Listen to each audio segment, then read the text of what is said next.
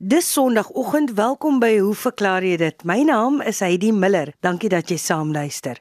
Vandag se onderwerpe sluit seekatte in en ons hoor ook meer oor roofvoëls. Iemand wou byvoorbeeld weet wat die verskil tussen valke en arende is. Ek stel jou graag voor aan vanoggend se kenners. Ons het die ekoloog Dave Peppler. Hy's navorsingsvernoot by die Sentrum vir Indringerbiologie aan die Universiteit van Stellenbosch en ook buitengewone lektor by Stellenbosch Skool vir Publieke Leierskap. En dan is daar die dierkundige professor Sewil Daniels, verbonde aan die departement plant en dierkunde aan die Universiteit van Stellenbosch. Sy wil gesels heel eerste. Hy het 'n vraag ontvang van Miller Strydom van George. Miller wil weet of daar enige seekatte is wat in varswater voorkom. Goeiemôre Heidi, goeiemôre kollegas en goeiemôre aan die luisteraars. Nou, doodgewoon sou die antwoord nou net nee wees. Daar is geen seekatte wat in varswater voorkom nie.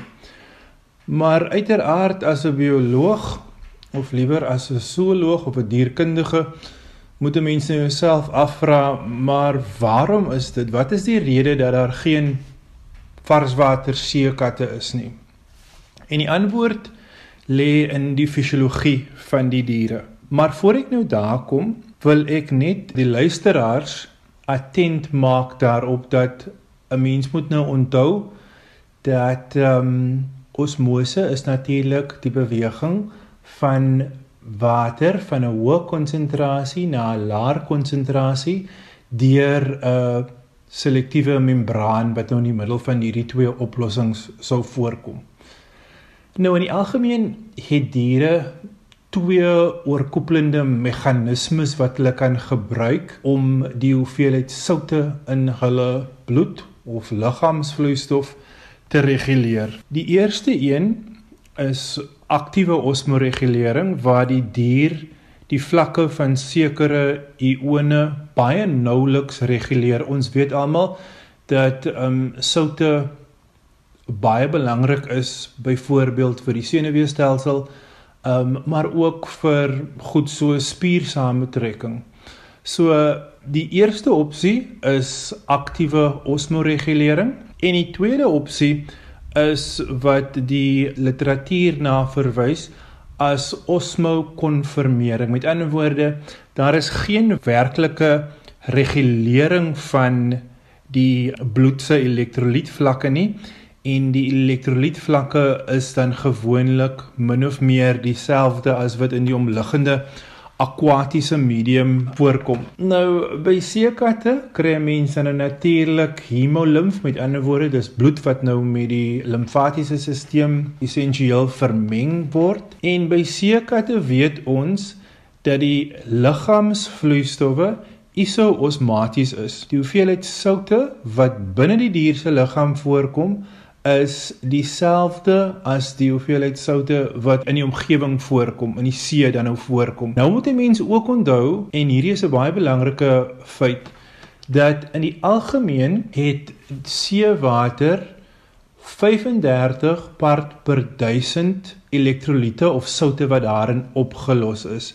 Let wel, Ek sê part per 1000, ek sê nie 35% nie. Dit is nie dieselfde nie. Nou moet 'n mens dan nou ook onthou dat in vars water is daar gewoonlik minder as 1% of 1 part per 1000 liewer, um soutte of elektrolyte wat in die water voorkom. Gewoonlik is daar 0% of ek gaan nou sê tussen 0 en 5 part per 1000. Met ander woorde, die feit is dat die hoeveelheid elektrolyte wat in vars water voorkom gewoonlik baie baie laag is en dat dit tot 'n groot mate vir diere wat fisiologies afhanklik is van ehm um, die omgewing waar hulle liggaamsvloeistowwe dieselfde hoeveelheid elektrolyte bevat as wat in die omliggende ehm um, medium voorkom, die seewater, is dit natuurlik vir die dier problematies. En dit is problematies omdat by seekatte konformeer die diere. Hulle soutoplossing in hulle weefsel of in die liggaamsvloeistof of dit nou die hemolimf of die urine is of die perikardiale vloeistowwe wat die drie hoofvloeistoftypes is wat 'n mens by seekatte kry. Omdat dit dieselfde is as die wat in die see voorkom, beteken dit dat wanneer die diere in vars water is, kan hulle nie aktief hulle ione of die elektrolitiese lading van die weefsel behou nie. Met ander woorde, hulle verloor soutte aan die omgewing omdat die soutgehalte binne hulle weefsel dan nou hoër sal wees as dit wat in vars water voorkom. En fisiologiese werk bewys ook in die algemeen het die diere 27 gram sout per liter nodig um, om fisiologies aktief te wees. Die gebrek aan seekatte in vars water is as gevolg van die uh onvermoë van die dier om aktief te kan osmoreguleer. Met ander woorde, omdat die dier osmo konformeer, beteken dit dat die dier sal doodgaan wanneer hulle lank in vars water gehou word. So dit is dan nou die antwoord op hierdie vraag oor hoekom is daar geen seekatte teenwoordig in vars water nie. Dankie Sewil. Onthou jy kan altyd jou vrae oor diere of werweldiere spesifiek rig aan Sewil Daniels. Jy stuur vir my 'n e-pos. Heidi by rsg.co.za. Dis nou as daai vraag gaan oor diere en jy wil dit rig aan Sewil Daniels. So ook enige ander natuurwetenskap vrae, stuur gerus daai e-pos aan my. Ek verwys jou net weer na ons webtuiste waar hierdie programme weekliks in MP3 formaat aflaaibaar is. Jy gaan na Potgooi en klik daar op hoe verklaar jy dit? Jy kan vandag se datum intik indien jy weer na die program wil luister. Dit geld ook vir alle vorige programme wat ons reeds behandel het hierop. Hoe verklaar jy dit indien jy weer jou kennis wil gaan opskerp? Hier is Dave Peppler met sy vraag oor roofvoëls. Goeiemôre, Heidi, my kollegas en luisteraars. Ek groet u uit my studeerkamer in Stellenbosch nog steeds met Grendeltyd. Ek het 'n e-pos ontvang van 'n goeie vriend van my, Frans Ferreira van Appington En hy het gesê hy wil 'n eenvoudige vraag vra en my eerste reaksie daarop was dat geen vraag is eenvoudig nie. Uh solank dit um eerlik en opreg gevra word. En sy vraag is die volgende: Wat is die verskil tussen valke en arende? Nou ja, ons is almal bewus dat Suid-Afrika 'n fabelagtige versameling roofvoëls het. Uh, kom ons kyk 'n bietjie na die kenmerke en na die eienskappe wat hierdie voëlgroep bepaal. Breedweg gesien word hulle gekenmerk as voëls wat primêr op vertebrata voed wat relatief groot is teenoor die predator. Met ander woorde, diere wat 'n rugstring bevat, soos muise, paddas, slange ensovoorts. Tweedens word hulle ook gekenmerk deur hulle uitsonderlik verfynde sig. Hulle kan ontsaglik goed sien. Ehm um, dit geld natuurlik beide vir die voëls wat in die dag en in die nag jag en 'n mens vind dat by baie roofvoëls agter in die oog is daar 'n verdigting van ligstafies bekend as die fovea wat dan byna soos 'n teleskopiese lens werk, soos 'n verkyker werk as die lig daar gekonsentreer word. Ek onthou al te goed jare gelede in die ehm um, Karoo Nasionale Park bo op die eskarp het ek en 'n geliefde vriend Rob Martin gesit en kyk na 'n breekop arend wat naby ons teen die kraans gesit het. Skielik het die groot arend sy vlerke gesprei en lynreg na die middeleskarp gevlieg, maklik 6-700 meter onder ons en ek dink in die orde van 2 km verder. Lynreg en daar het hy 'n jong duiker platgeslaan. Die breekop is natuurlik 'n magtige jagter met baie sterk voete en hy het eenvoudig die klein duiker oorrompel, vir hom 'n bout afgesny en daarmee weggevlieg. En dit bring ons natuurlik dan ook by wat ek nou net verduidelik het, dat meeste roofvoëls het baie sterk pote met grypnaels. En dan verder weet ons ook dat hulle redelik gepunte en gekurfde snavels het om dan die prooi mee um of uitmekaar te haal uh, om so stukke in te sluk of natuurlik om klein stukkies af te ruk. 'n uh, Woord raptor, uh, die Engelse raptor kom van die Latyns rapio wat beteken om te gryp.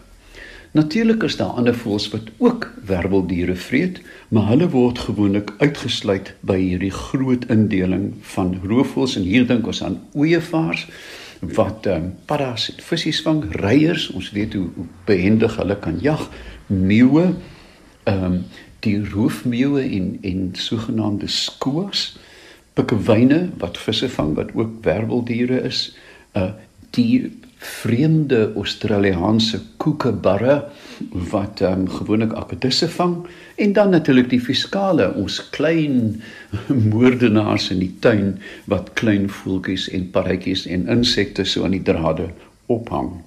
Die gewone name van roofvoëls word gewoonlik bepaal deur hulle uitwendige struktuur.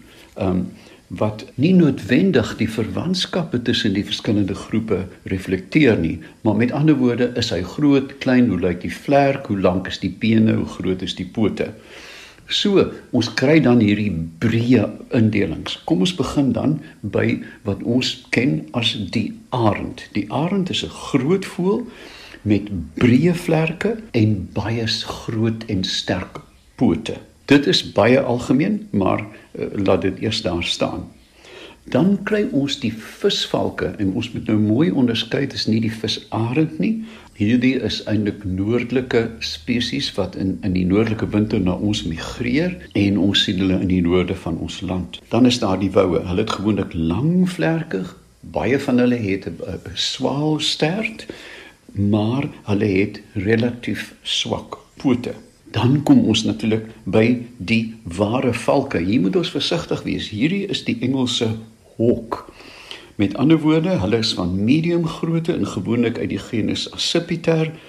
Hulle het breë vlerke wat byna vierkantig lyk met geïmargineerde vere aan die punte om lugvloei te beheer en hulle jag gewoonlik binne die krone van bome en hier natuurlik het ons die be, berugte swart sperwer wat 'n verbete moordenaar van voelsterntale visante is en redelik wyd voorkom. Dan het ons die kuikendiewe of die paddavreters wat bekend staan in Engels as die harriers. Hulle is groot voëls met lang vlerke en lang bene en hulle sweef gewoonlik baie laag oor grasvelde en um, oor vleie en hier het ons natuurlik die witkruis vleivalk een van die bekendes in Suid-Afrika um, wat uh, so kenmerkend is van veral gebiede teen die Weskus.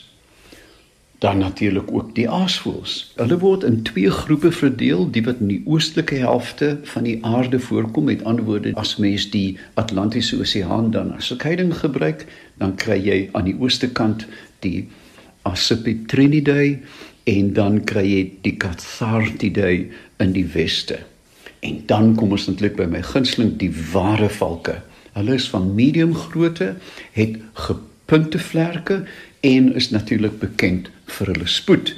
Die koning, die absolute koning van hierdie groep is natuurlik die swerfvalk.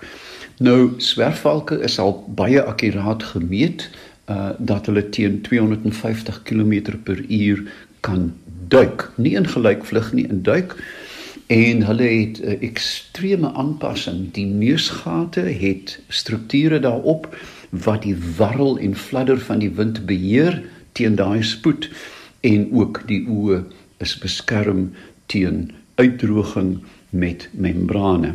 Hulle kan verstommend vinnig wees, maar in gelykvlug uh, het ek al male so 'n taal gesien dat 'n gewone duif vir 'n swerfvalk kan wegvlieg. Met ander woorde hulle die sukses is die element van verrassing waar hulle uit 'n hoogte wat die wat die valkoniers noem at a pitch um, dan wag vir prooi en dan teen hierdie verstommende snelheid op die prooi afduik en dan gewoonlik met die gebalde voet katswink slaan. Jy sien 'n ontploffing van vere uh die prooi val na die grond en die valk sal dan neerdal, hom doodmaak en dan die vlerke sprei. Hulle beskerm half die prooi, alles bekend aan die falkoniers.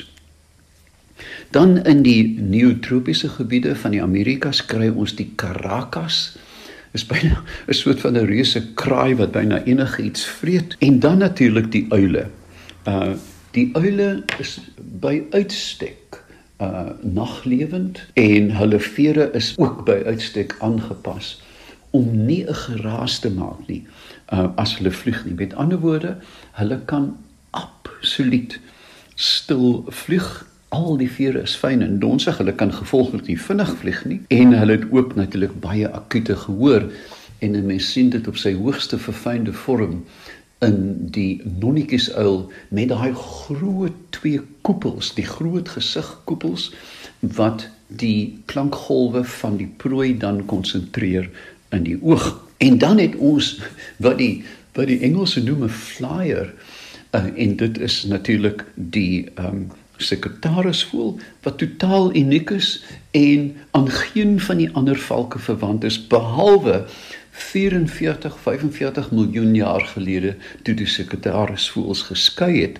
van die groter groep van roofvoëls. Dan as ons kyk na die rigiede indeling, het ons ehm um, natuurlik die Pandionidae, die Engelse osprey, die visvalk, uh die Sagittariidae, die sekretarisvoël Falconidae is die valke in die Caracas, Cathalidae die nuwe wêreld aasvoëls, insluitende die lammergeier, Strigidae tipiese uile. En dan Titonidae die nonnetjies uile.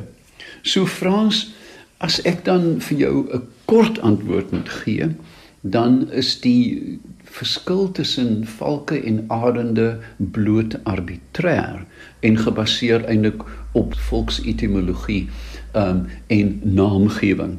Onderliggend is dan natuurlik 'n verwantskap wat 'n mens kan uh, maklik wetenskaplik uitpak, maar ek dink vir die doel van hierdie program is dit nie belangrik nie. Ek wil dan net verder uh, byvoeg uh, ter afsluiting dat uh, die groep van roofvoëls, die valke, is wêreldbekend vir hulle vermoë om te migreer. Tussen halfronde, ons weet dat die ospreys uit Noorwe sover as Kaapstad kom, uh, ons het hulle met uh, radiosenders kon kon volg en in my eie ondervinding na 15 jaar se navorsing op die klein rooi valk het ons na dekades uitgevind dat die klein valkies wat in Wellington en Swellendam en Vrede in die Vrystaat uh, voorkom hoofsaaklik voorkom van die Republiek van Tuva in Rusland teenoor die westelike grens van die Gobi woestyn. So elke jaar, ek het een gevang in Jerusalem toe ek daar gewerk het, um, 'n wyfie wat 13 jaar van tevore reeds bering is. En so vir 13 jaar het hierdie wyfie Afrika toe gevlieg en terug en as 'n mens dink dis 'n voeltjie van tussen 120 en 150 gram, is dit merkwaardig. So hulle kan oor halfronde heen beweeg. Die rede daarvoor is natuurlik dat die koue noorde byna al hulle prooi vasvries en bittermin roofvoëls behalwe natuurlik die gewone rooi valk die Engelse kestrel die Europese kestrel wat wel tog in die uh, winter oorbly en hulle vreet dan klein knaagdiere en spesifiek 'n triestige Engelse muis met die naam van die bankvole wat hulle dan gereedelik kan vang in die sneeu. 'n Ander aspek van roofvoël um, morfologie wat baie interessant is, is dat daar 'n sogenaamde omgekeerde seksuele dimorfisme in dat die mannetjie diere, die manlike diere gewoonlik 1/3 kleiner is as die vroulike diere. Wyfies is gewoonlik baie baie groter, opsigtelik groter en daar is natuurlik bespiegeling hoekom dit kan wees dat die mannetjie meer radstalk moet wees om voedsel te voorsien aan die kuikens, maar dit is nog steeds 'n debat wat aan die woed is. Die verwantskap en verhouding uh, met die mens is net so interessant dat ons kan terugvoer tot die allervroegste dae van die mensdom van die beskawing van die mensdom dat daar nog altyd 'n verhouding was met roofvoëls en veral die adel waar konings en keisers die voorreg gehad het om met valke en arende te jag. Nie net was dit 'n voorreg wat aan die keiser toegeëien is nie, maar daar was 'n baie rigiede rangorde van wie met wat kon jag met byvoorbeeld Henry die 8ste sou met 'n edelvalke peregrine gejag het. Hulle was nie bekend met die uh, met ons uh, wandelvalk die uh, bekende Kalahari voel nie. En dan het die hoë amptenary van die hof het dan met goshawks uh, gejag. Uh, baie uh, aggressiewe voels en dan die die dames van die hof het gejag met boomvalke die European hobby en selfs kleiner valkies en die sport was so verfyn dat die dames dan uh, gaan naaldekokers jag het met hierdie klein valkies om net deel te wees van hierdie um, oeroue verwantskap tussen mens en voël. So, Frans, tersluitend dan, ek hoop ek het 'n bietjie lig gewerp op die onderskeid, maar In meeste gevalle is dit redelik arbitrêr as jy nie 'n wetenskaplike is nie. So, ten laaste dan groot en stadig is 'n arend en klein en vinnig is 'n valk. Dankie aan ons span vanoggend, professor Sewil Daniels en so ook aan Dave Peppler. Aanstaande week is ons terug met meer interessante verklaringe, onder meer een van professor Hendrik Geier oor lengte en spoedmeting massa in kilogram. Soos byvoorbeeld, hoekom vlieg 'n vliegtyg teen knope of vaar bote teen knope? En hoekom is daar iets soos 'n seemyl en sovoorts en sovoorts. Nou ja, nou weet jy wat op jou wag. Geniet jou Sondag verder. Dankie dat jy RSG kies.